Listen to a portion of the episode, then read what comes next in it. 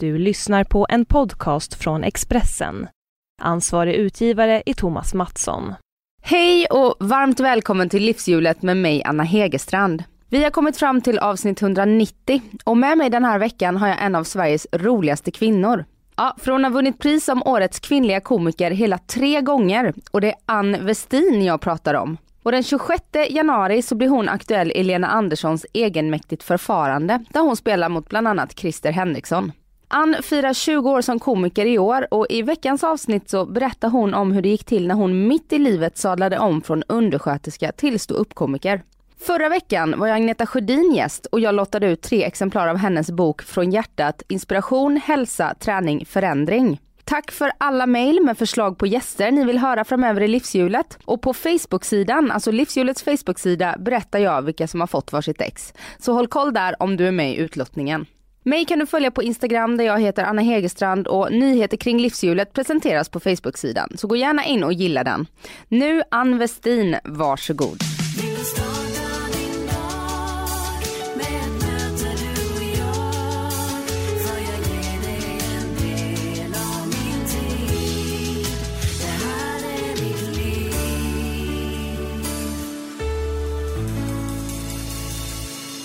Då så, Kör vi då? då kör vi. Ja, Ja, kör vi. välkommen hit Tack så mycket. till Expressen och livshjulet. Mm. Ja. Vilket bra namn tycker jag. Livshjulet tycker jag. Låter som ett bra namn. Mm, det känns som att man får in väldigt mycket Under det ja. bra ja intervjuform liksom. precis. Det är faktiskt en eh, personlig coach som, som har gett mig det temat som sa det, du ska intervjua under livshjulet. Det är ju ett redskap man använder i personlig utveckling för att se så man har koll på alla delar i livet Ja, ja. och må bra. ja. Har du koll på alla delar i ditt liv? Eh, nej. Det kanske jag har. Jag vet inte. Nej, det tror jag inte. Nej, jag är ingen sån person riktigt som har koll på all, alla delar. Nej. Sen så kanske det är svårt att, att eh, ha koll när klockan är åtta på morgonen och eh, det är Ja. elva minus ute. Men jag vet också sådär när man pratar om livet, för igår satt jag med min syrra och pratade vi satt och pratade om livet så tänkte jag man minns olika och man, när man pratar om livet så är det liksom jag gör alltid, man förbättrar ibland och så, äh, men så där var det ju inte. Man skruvar till, det är ungefär som i stand-upet, man, man skruvar till grejer och historier så att det blir lite mer över, var det verkligen så? Till slut blir det som en sanning, ja det var det nog och sen bara, nej kanske inte för man skruvar till sanningen, den blir lite bättre. än- Mm. Ja men det är väl så annars kanske man inte jag tror skulle alla gör det, alltså att man drar till lite så det låter lite bättre än vad det är. Ja vad, vad är det man säger? En eh, bra historia är bättre än en sann. Eller något sånt där. Ja, Det ja. finns ett jag brukar säga sanna historier kan vara väldigt roliga men jag anar nog när jag säger det så tänker jag ja men du håller alltid på att fixa till dem så att det blir Ja. precis. Och du som skriver eh, mycket komik och stand-up Mm. måste ju vara mästare på att fixa och trixa. Ja jag fixar och trixar. Mycket, mycket. Jag, alltså när jag kommer på grejer så är det ju oftast att jag pratar med fram, kan snacka med folk som säger det där är ju jätteroligt, det där är ju stand-up. Ja just det. Och sen kanske jag bara skriver ner några nyckelord. Så jag skriver aldrig ner hela historien riktigt alltid. Nej du gör inte det? Nej. Jag är ingen sån manus så på det sättet utan jag kan skriva ner så här vissa, ja, jag skriver ner ungefär, ungefär som det är. Så att det, då blir texten så att man kan hålla på och förändra i den och så. Jag vet ungefär vart jag ska liksom. Så man vet där kommer det roliga och där kommer det. Men, men jag skriver aldrig ut alltid helt riktigt. Om jag tittar på mina manus så, de, så tror jag inte folk skulle, va? Skulle de sitta, vad är det där? Har du gjort så ända från början eller handlar det om jag att du blir tryggare i jag har dig? gjort så. Jag har gjort så från början. Vissa saker kan jag skriva ut sådär men så stryker jag det väldigt mycket men när jag sen kör på scen då har jag bara så här, då har jag bara nyckelord du vet. Så skulle någon se det där, jag gör upp en lista liksom. Det här kan jag prata, det här kan jag prata och sen har jag det i huvudet. Och skriver du alltid själv? Ja, ibland tar jag hjälp. Om jag har väldigt mycket att göra så kan jag ta hjälp. Men det är ändå så att man måste göra det till sitt eget så att jag kan få hjälp men sedan gör jag om det så att det blir mitt liksom. Ja, för Men, men helst vill jag helst försöka göra allting själv för att det blir bäst då.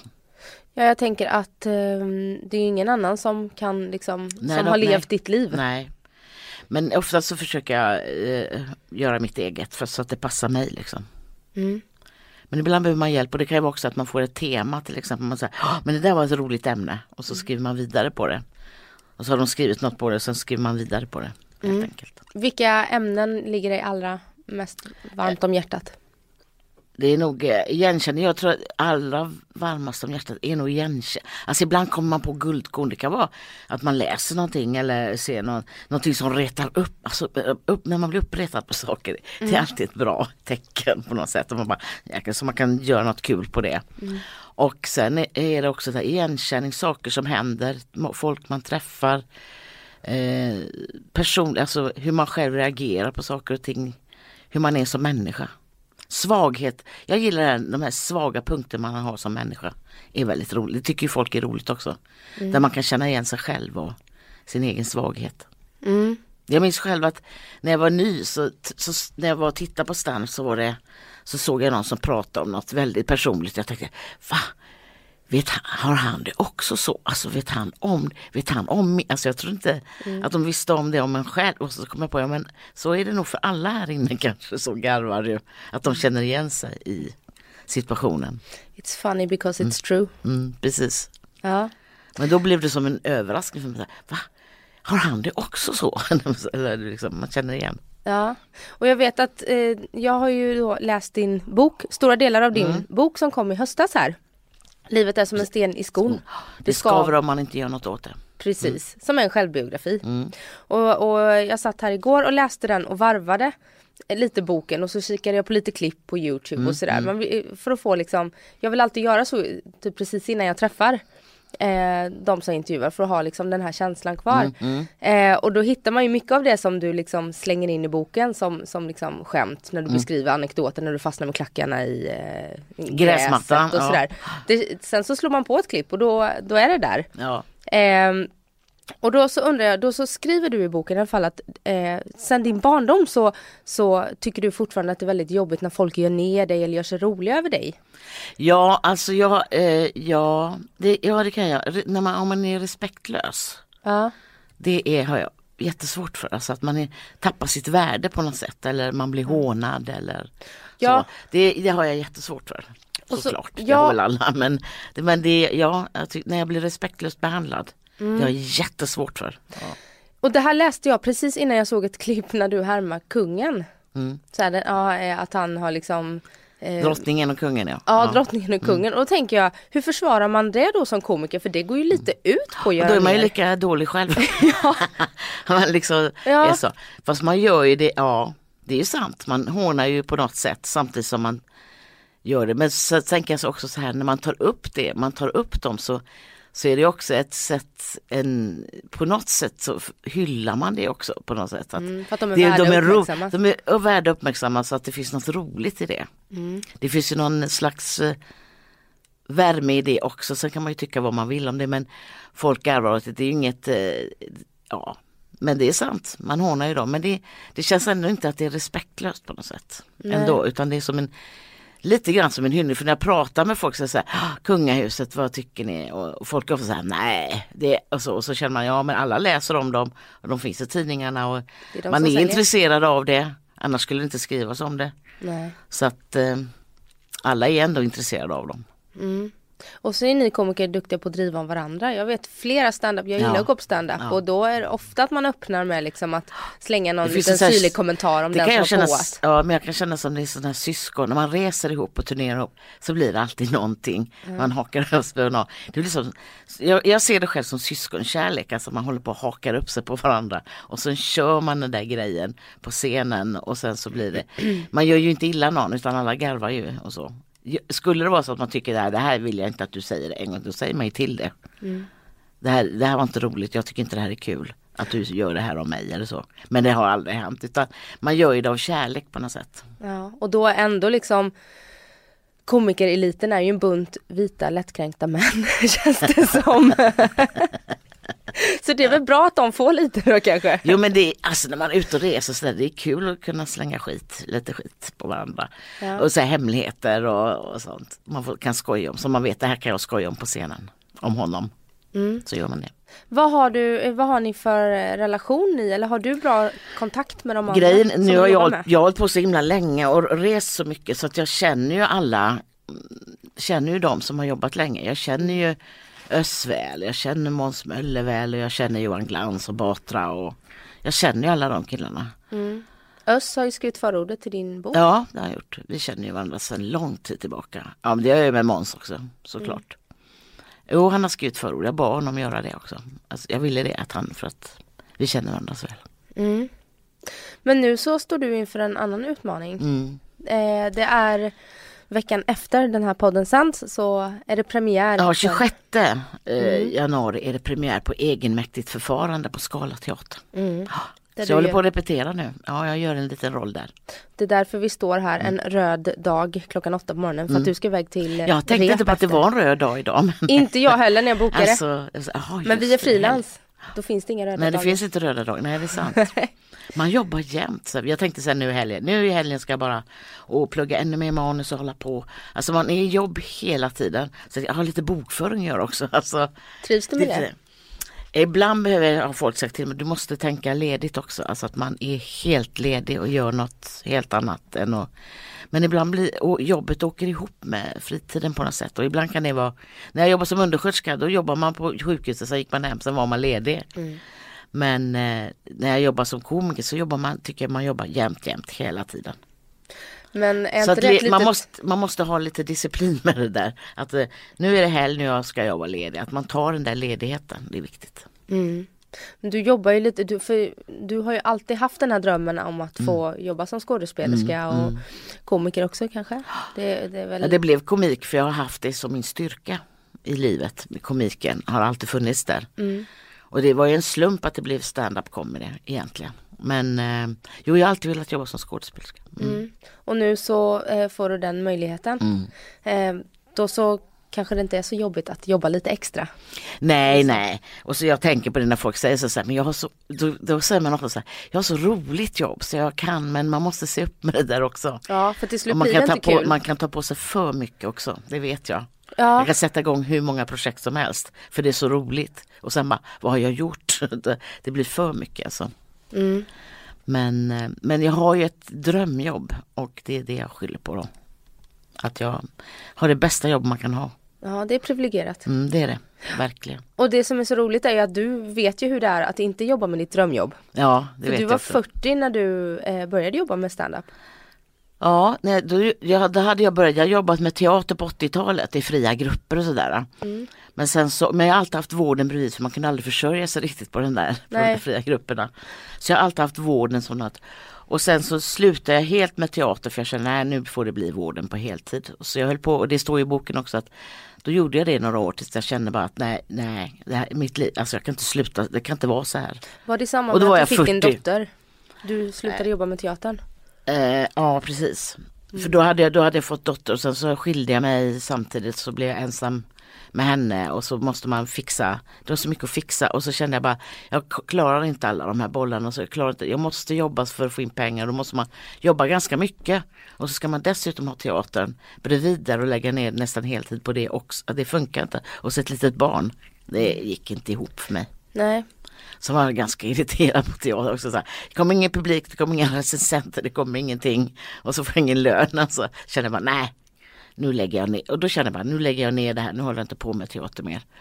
Och sen så jobbar jag ju heltid på, på sjukhuset. Då. Men då efter några år så kände jag ju bara att nej, jag, jag kommer ju dö. Alltså jag, jag klarar inte, jag kan inte ha livet så här. Men Jag fick ett stopp bara. Jag kände att det jag måste, göra, jag måste göra något åt det här. Så kände jag.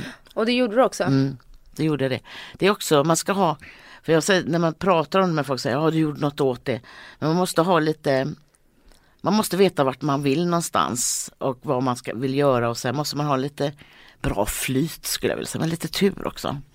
För det var ju nedskärningar precis när jag slutade och jag fick avgångsvederlag och jag kom in på DIs den här kursen också samtidigt så jag såg det bara wow, nu är det bara att blåsa på och Ja. det gjorde jag. Du kom alltså in på DIs standup-kurs Ja med Babben Larsson och Adde Malmberg som lärare. som lärare, ja precis. Och klasskamrat med Christer Henriksson. Christer Henriksson som jag ska spela med. Det är jätteroligt. Ja. Han fick för sig för att jag trodde han var lärare när han kom in och sen så i entrén där när vi stod och väntade och jag sa är du lärare och han bara nej jag ska gå kursen och jag bara åh herregud. Det var så. Ja. Men eh, och han minns det som att det var en undersköterska från Umeå som trodde att jag var lärare och jag bara nej det var jag.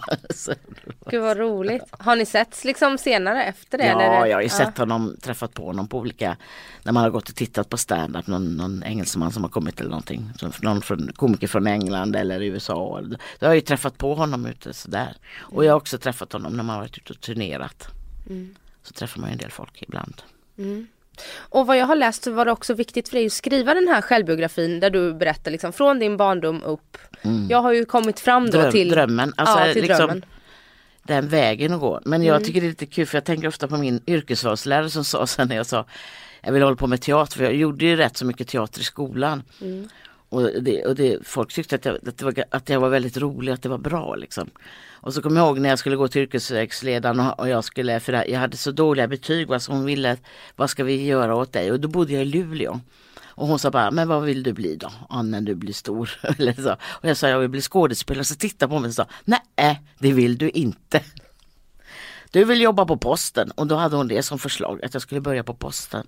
Och då sa jag, men jag vill stå framför en publik och då sa hon så här, eh, ja men där finns ju också folk. Så jag, bara, och jag tänker hur, hon stopp, hur folk stoppade mig på vägen att nej men ska du verkligen hålla på med det där?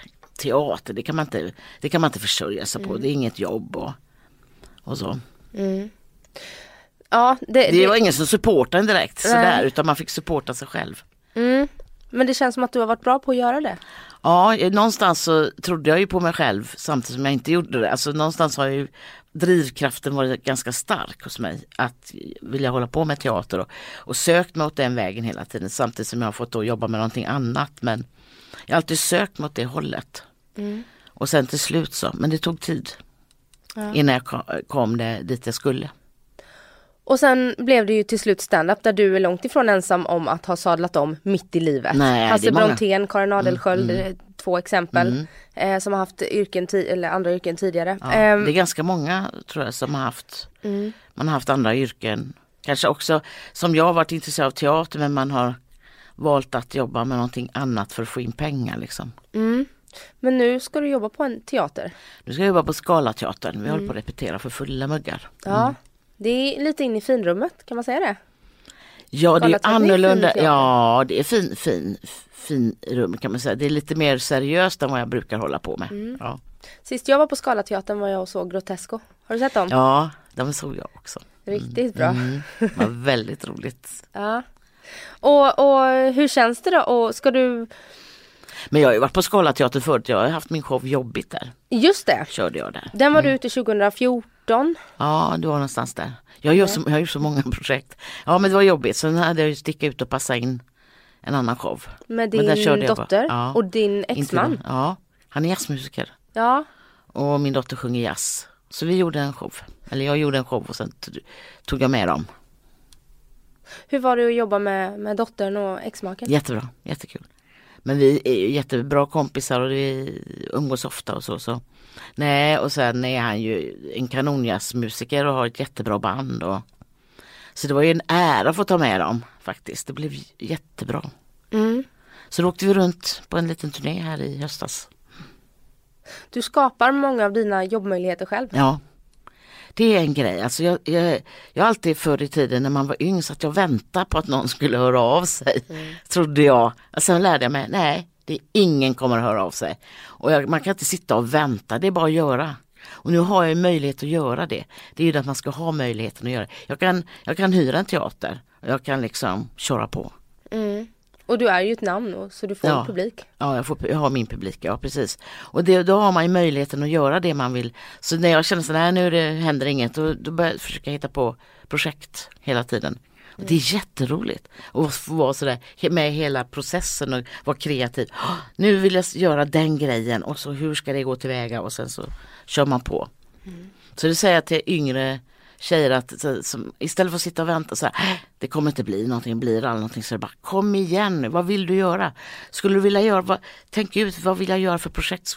Jag skulle vilja göra en pjäs eller jag skulle vilja göra en show som är så här. Ja då gör du det och sen kollar vad finns det för möjligheter och för lokaler och vad kan du få- nå ut till folk? Och idag kommer du ju ut på Facebook, alltså du kan, Instagram och överallt så du kan ju nå folk. Mm, det är en väldigt spännande tid vi lever i för det finns stora möjligheter. Ja, Ja. det finns ju det.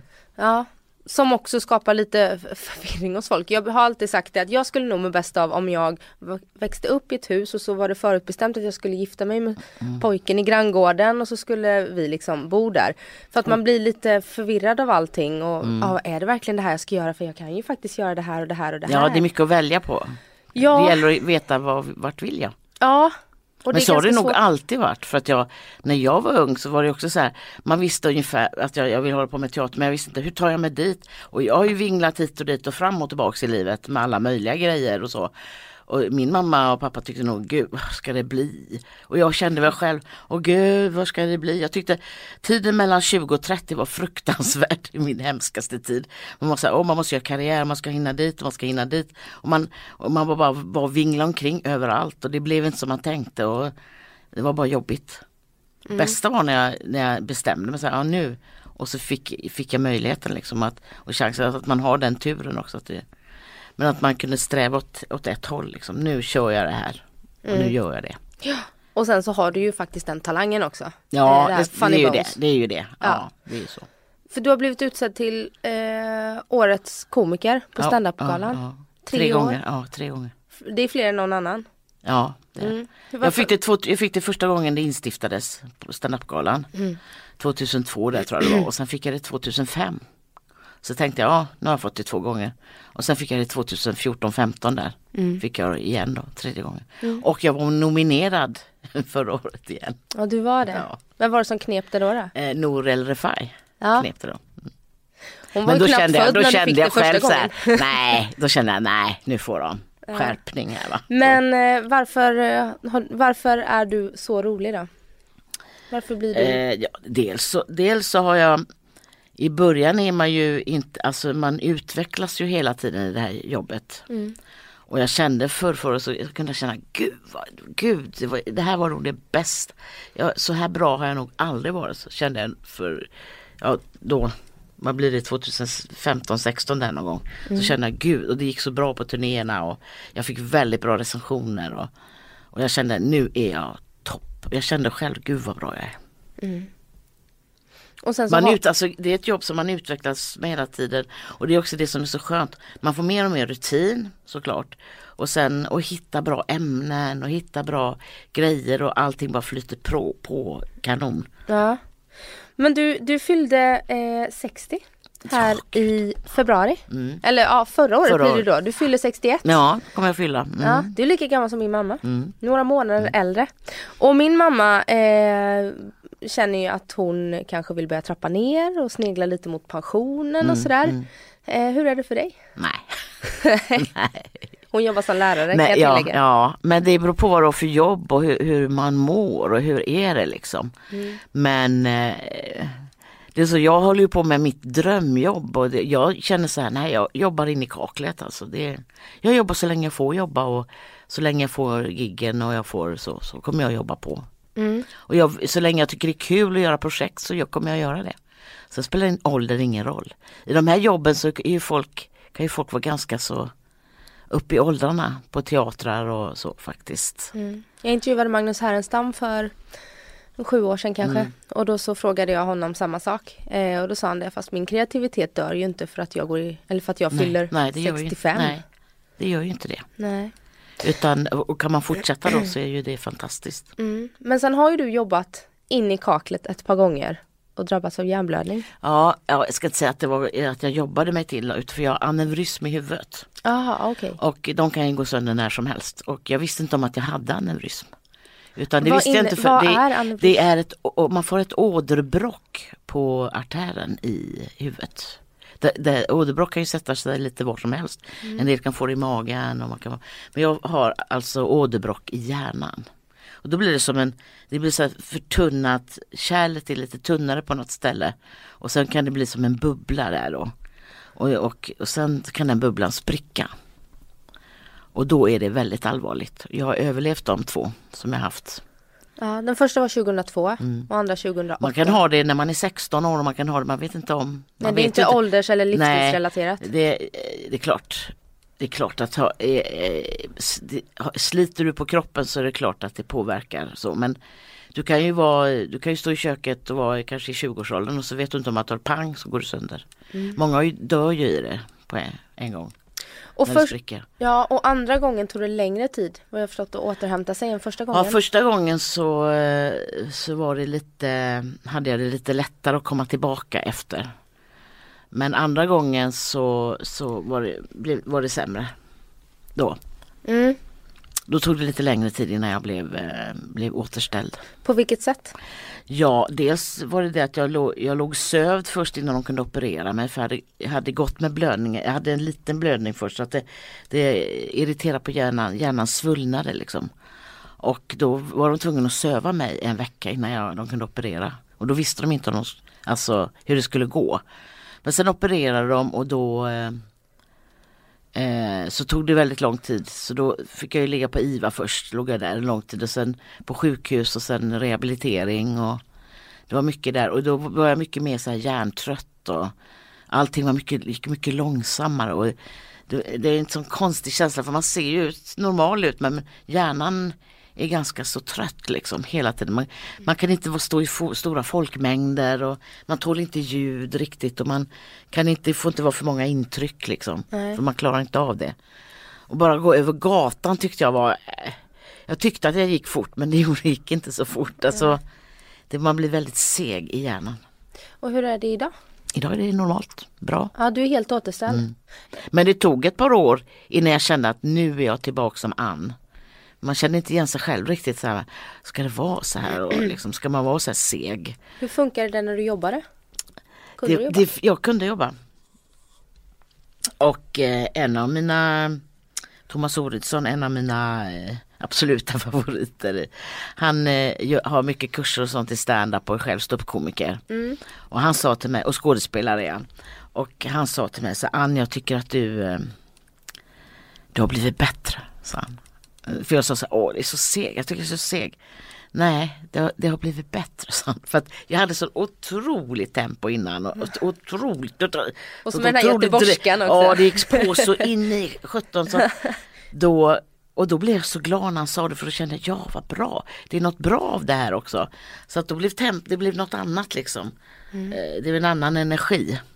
Kan man säga. Så det har blivit en annan energi och bättre på scen. Mm. Privat då?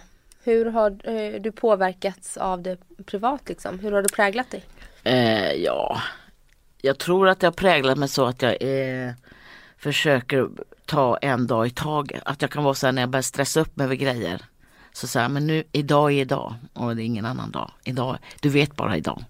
Eller jag vet bara här nu när jag står här. Så vet jag, jag vet ju ingenting sen när jag går utanför dörren här. Man, egentligen, som när man tänker så, man kommer in i det tänket. Så lugnar man ner sig och blir lite mycket lugnare och känner, det, är, det tycker jag är en bra känsla. Att man kan liksom ta tillvara och sen också ta tillvara på tiden på ett annat sätt. Tror jag. Eh, jag tror det är ganska vanligt om man har varit nära haft som allvarlig sjukdom så, eller varit med om någonting som har varit nära döden. Så, så, så tror jag att man blir väldigt ödmjuk, alltså att man kan se världen i livet på ett annat sätt. Ehm, kan du göra någonting för att eh, eh, minska risken för att det ska hända igen? Ja, ja, egentligen vet jag inte vad man skulle göra. Alltså Det är svårt att säga för jag kan inte veta, någonting. nej nej. Jag försöker att undvika för mycket stress. Det försöker jag. Jag försöker undvika att eh, onödiga grejer ska stressa upp mig med resor. Alltså jag försöker alltid planera väldigt bra så att det inte blir bara i sista sekund eller sista utan allting ska vara bra planerat så jag slipper sån onödig stress.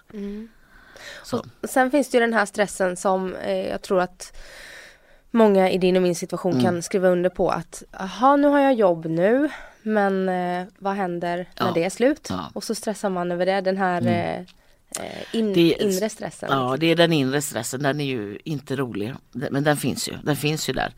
Men den försöker jag undvika också. Jag kan ju se nu, så jag ser vad jag har framåt här nu och då håller man sig, "Ja, det har jag till nu. Så får man se, men då kan jag få en sån här känsla, vad roligt att se vad som ska hända sen. Det kommer, för det kommer ju alltid, för mig har det alltid kommit någonting kul tycker jag. Och som sagt om man tänker sig, ja men då händer inget för att hitta på ett projekt. Du har den tilliten att det Ja, kommer då får, då, får, då får jag fixa det. Men det är klart att det finns ibland en oro. "Åh, tänk om det är slut nu, är det färdigt nu, är jag klar nu? alltså, så att man, det, det är klart att det finns. Och den oron som, som finns när man är frilans och egen företagare så där. Det finns alltid en liten oro men man får, kan inte gå med den jämt utan nu, nu är nu och nu har jag jobb och nu ser det ut så här. Och då får man vara nöjd med det. Mm.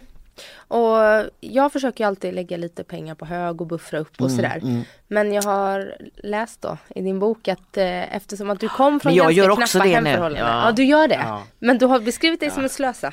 Ja, jag tycker själv att jag är slösig men i viss mån. Men jag försöker också, jag försöker också vara väldigt sparsam och spara och spara så. För att vi kunde aldrig göra det. Nej, I min uppväxt så fanns inte den möjligheten att vi, man sparade till något, alltså att man kunde spara. Eller man fick något spar, fyra ungar och det var inte så. Och det har, pengar har alltid varit en stress för mig så jag försöker alltid se till att, att jag slipper den stressen. Ja. Men du bor i samma lägenhet som du har gjort de senaste över 30 åren va? Ja, gud. Det låter... Ja, ja, jag bor i samma lägenhet. Sen 1986. 86 flyttade jag mm, Ja. dit där jag bor nu. Ja, du måste Jag trivs förträffligt. jättebra. Mm. Jag har nog bott längst i det huset tror jag. Eh, av alla. Är du jag, en sån där som är- går nej, runt? men jag, jag, tror att, jag, tror så, jag tror att det är så här. Tror att det, är. att, eh, när jag kom till Stockholm var så jädra svårt att få lägenhet. Mm. Så jag blev så här, ah, äntligen en lägenhet. Man fick, för då fanns det bostadsförmedling på den tiden när Ja. vi fick den. Så då kände jag så här och jag trivs, när jag, när jag såg den lägenheten och vi fick den då var jag så här wow. Bästa, bästa. Och jag trivs fortfarande.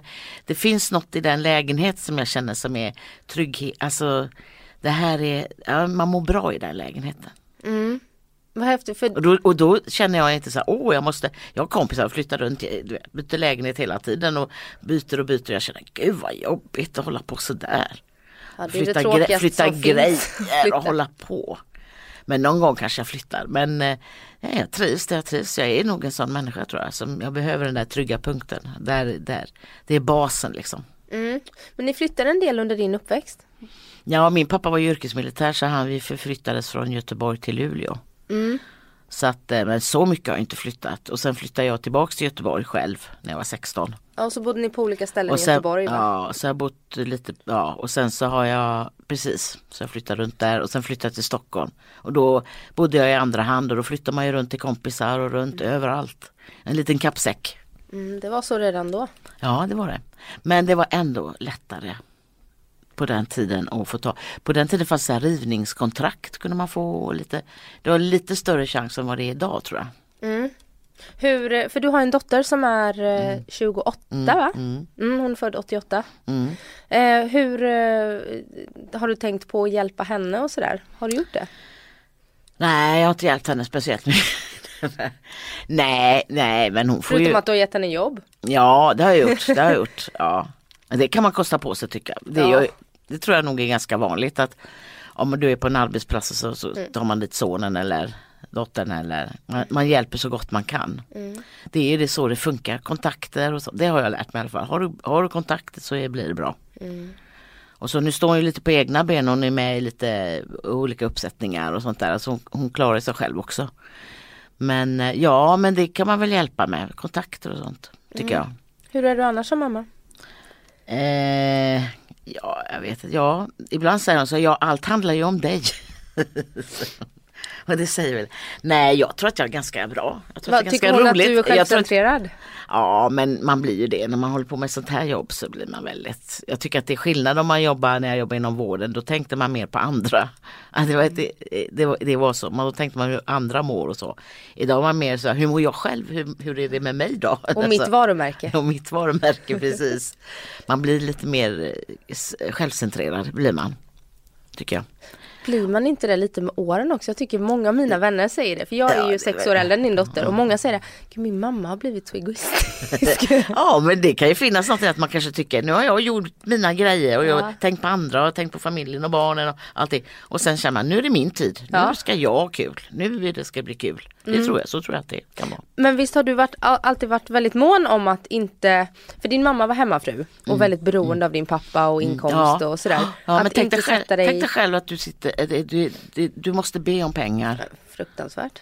Eh, för att få, och att det inte finns så att det är alltid det som är liksom, man bråkar om det. Och, Du blir ju livegen. Du kan inte göra Ja, någonting nej, ja precis. Och du ska be om, ja, du, kläd, du kan inte köpa kläder själv. Du kan, ja men förstår du.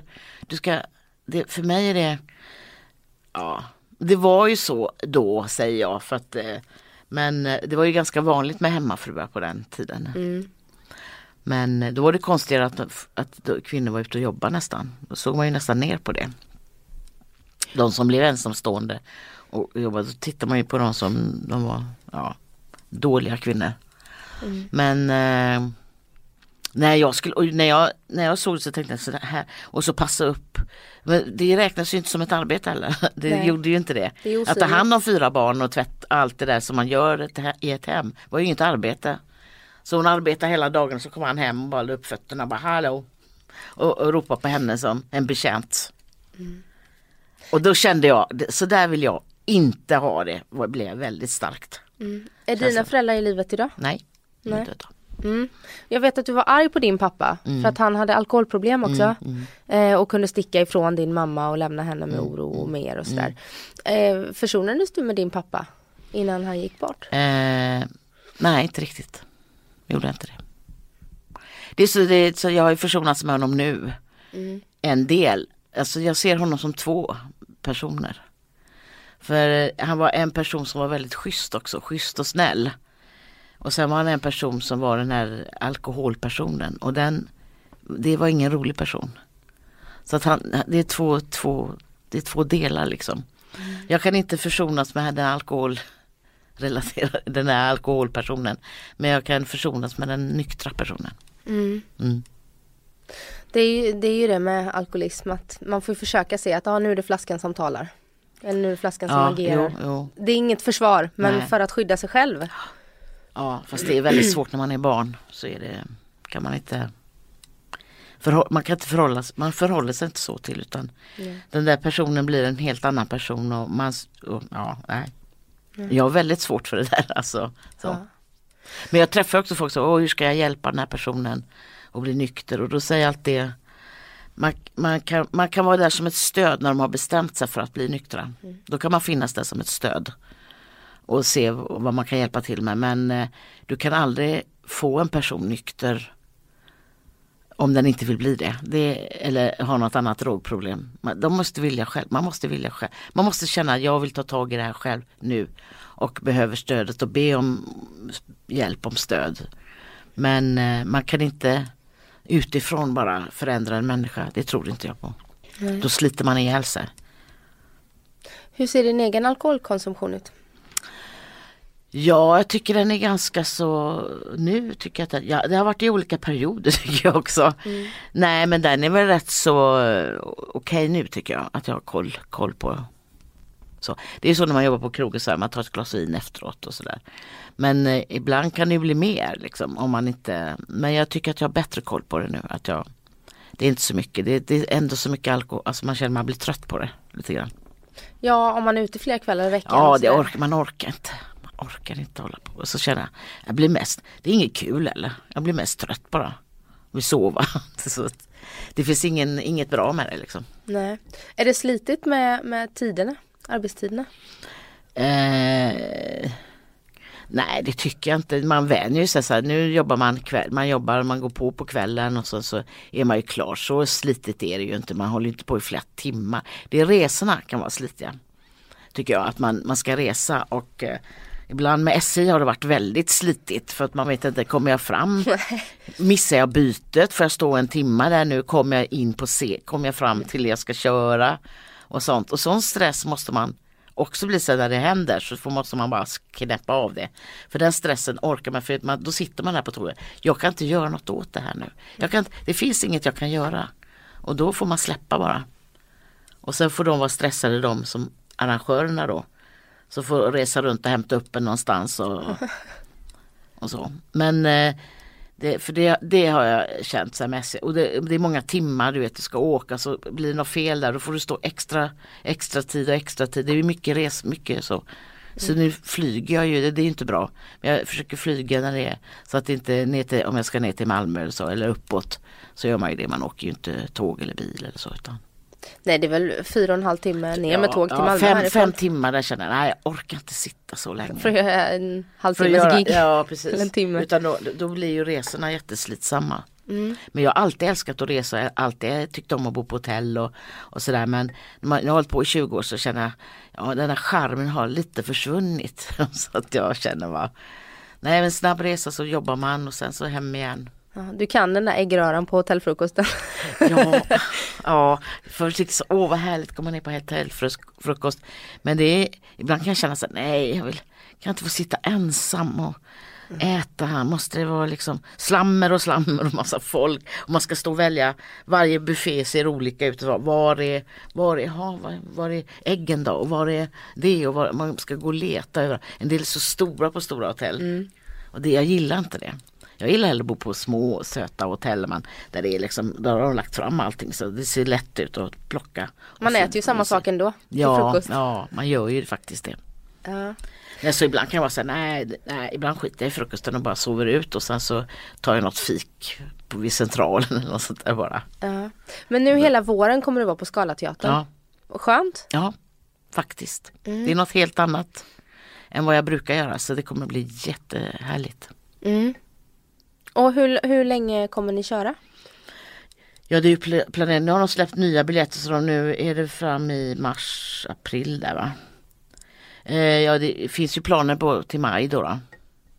Till maj. Mm. Och sen så känns det som, är det en, en sån uppsättning som skulle kunna åka ut på turné i landet? Eller Ja, krävs det att man är på ett ställe? Ja det kan det säkert. Men än så länge, det där vet jag ingenting om egentligen. Utan eh, Nej. det får man se. Man får ju se hur, hur allting säljer och hur det ser ut och så. Men så, som det ser ut nu så ser det väldigt bra ut. Mm. Vad roligt. Och det säljer på som 17 alltså. Så vill man ha en biljett så får man nog Och då går man in på? Ja, man kan gå in på S- Scalateatern t- skulle jag föreslå. Gå in på deras hemsida och titta. Mm. Absolut. Du, du ju, eh, har ju beskrivit dig själv som evigt singel typ. Att du eh, firar Vad kan det bero på? silver... Eh, vad är? Silversingel brukar jag ska, skoja om. Silversingel. Är det 25 år eller vad är det? Nej, det är längre än så. Jag, le- jag, lever, jag, jag eh, lever ensam. Ja. Mm. Jag tycker det är skönt. Är jag har du- tänkt på det för jag, ibland har jag tänkt så här för folk, jag vill säga, "Ah, men det kan ju inte vara bra. Och så känner jag, men jag är en sån person. Jag tycker, jag tycker det är ganska skönt. Jag bestämmer helt själv. Jag, jag, jag är väl lat antagligen. Jag tycker det är skönt. Och, Ja men jag behöver inte liksom ta så mycket hänsyn. så. Nej men det är ju skönt att, att leva ensam. Jag bestämmer allting själv. Helt om mitt liv. Mm. Jag gillar det. Och i, i framtiden, är du öppen för att eh, Jag anpassa säger ditt så här, liv? man vet aldrig vad som händer i livet. Man vet aldrig vad som händer så det, det är klart att jag är öppen för det. Men jag vet aldrig vad som händer i livet. Det har man ingen aning om. Nej. Eller som det är, kanske det står någon där som man bara, åh hoppsan hejsan och det händer. Men eh, det vet jag inte. Mm. Hur är det ute när man är ute och, och eh, giggar för fulla människor och sådär? Är det mycket liksom förslag och sånt? Nej, nej, det, ja. Är det- någon som kommer fram så är de ju som, som sagt ja, jättefulla och bara så. Och det är inte så charmigt. det tycker jag. Nej. Så det reflekterar man överhuvudtaget inte med om. Nej men då är det inte, de, jag förstår aldrig de flörtarna heller för att de, de är så konstiga. Det är så konstiga saker och kommenterar och man bara ja. Och så man kanske fokuserar på vad man är där för att göra också. Ja, det är det man jobbar på och sen så kommer fram någon och ska kommentera vad man har sagt på scen och man känner bara lägg ner alltså. Men du vet, det är inte så charmigt. Nej. Och vad gör du när du liksom, säg att du har en helt ledig dag. Mm. eh, När du har den här eh, tiden så för återhämtning, vad gör du då? Ja, vad gör jag? Alltså ibland kan, det vara så, kan jag ha så stökigt hemma så jag kan finna ro i gå och pilla och städa och fixa till så att det ser något sån här ut i alla fall hemma. Men vad gör jag på min lediga tid? Ja, men jag försöker nog ta mig iväg och kanske kolla någonting, gå på teater eller gå på kolla eh, på promenad och museer och göra någonting annat som är, tar bort mig från det här humoriet hela tiden som håller på hela tiden i huvudet. Man måste få inspiration också så att jag försöker nog eh, eller så reser jag bort någonstans. Känner du krav på dig att vara rolig även när du är privat? Nej, inte idag. Känner inte så. Eh, det är ingen som begär det. Alltså ibland får man höra så här. Eh, kan du säga något i, i konstiga sammanhang? så kan man säga, kan inte du säga något roligt? Till exempel om man kommer i ett väntrum. Man har precis tagit blodprover och man känner sig inte sådär jättekul. Säg något roligt, säger någon i väntrum och man bara nej, kanske inte idag va. Ja det blir 5000 på faktura tack. Ja, minst. är du bra på att ta betalt för Jag har ju folk som hjälper mig. Jag är det, jag är nog inte, jag är nog, mm. jag, jag, behöver nog hjälp med det. För att nog inse, jag är ingen bra affärskvinna. Nej. Du ligger på ROA? Jag ligger på ROA.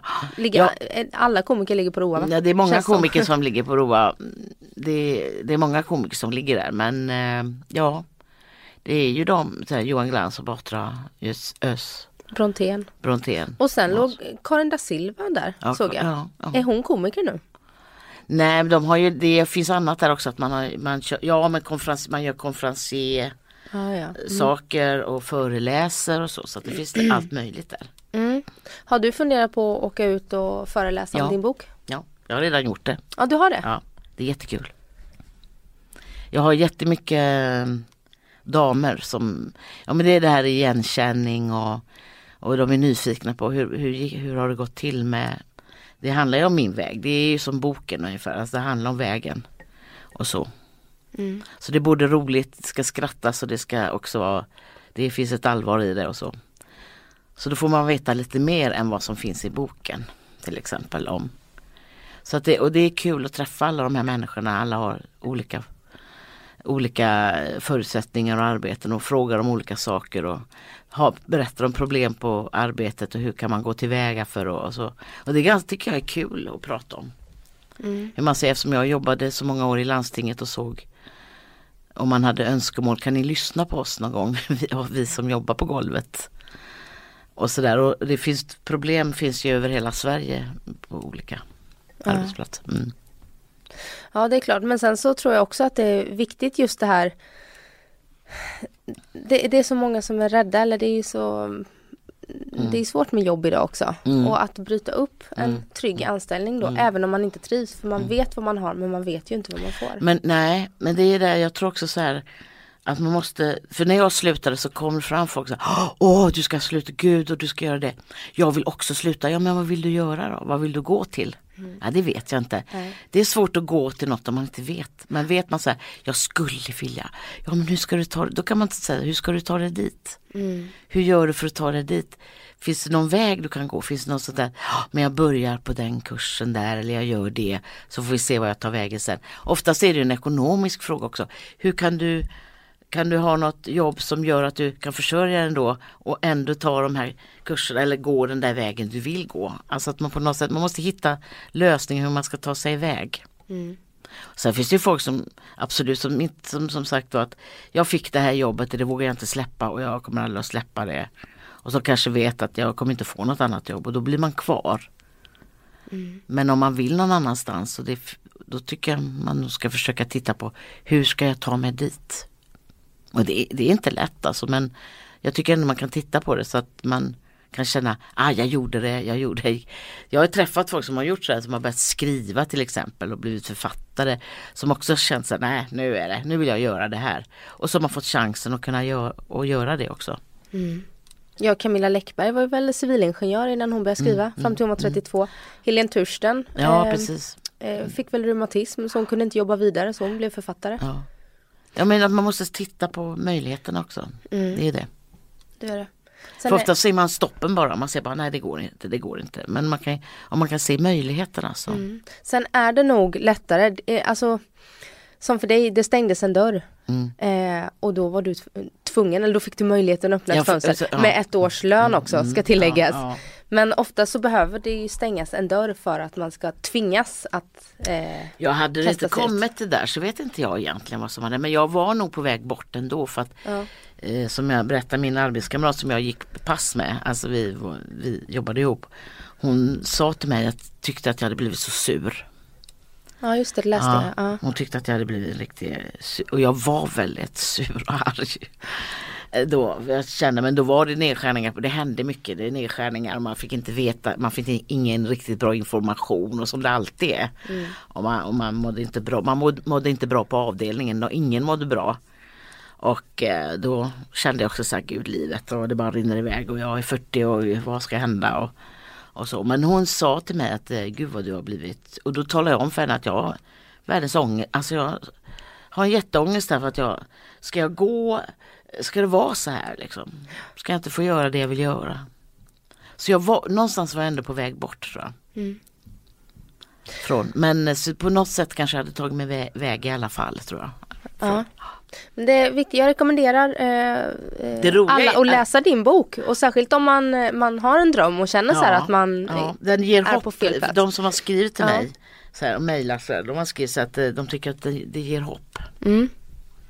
Jag tror jag har många kvinnor i min ålder som när de har läst att det känns liksom, ja just det, att mm. man, får, man får ett hopp. Ja, samtidigt som du är komiker och skildrar väldigt roligt i boken. Mm. Ja. Så det får man också. Ja. Lite humor. Ja, och du, Ann, tack snälla för att du kom hit och gästade mig. Att du gick upp en timme tidigare mot vad du vad jag skulle ha gjort. Skulle ha gjort ja. Och också släppade upp mig och fick igång min dag väldigt ja, tidigt. Ja. Ja. Men det är det, när man går upp tidigt så det, får man ju en dag. Det är mm. det där om man har chans att ligga och dra sig så går hela dagen. Man bara, men det ska man också göra. Man ska, ja. Jag tycker man ska få vara lat. För ibland så skäller jag på mig själv, gud vad jag är lat. Så känner jag, ja men du får det. Idag mm. får du vara lat. Mm. Jag tycker lathet, man är alldeles för lite lat. Mm. Bra sagt. Ha det bra nu och lycka till i vår. På skala. Ja, då säger jag tack. För det finns ju skrock att man inte ska säga, men jag gör det ändå så får vi se. Tack så mycket. Ja, du utmanar ödet. Ja. Ha det bra. Hej. Tack.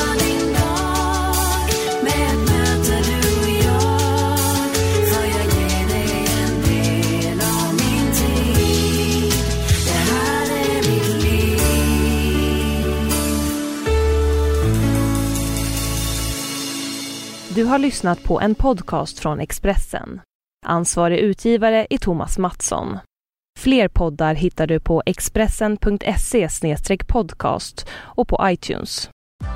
Nu är den stora färgfesten i full gång hos Nordsjö Idé och Design. Du får 30% rabatt på all färg och olja från Nordsjö.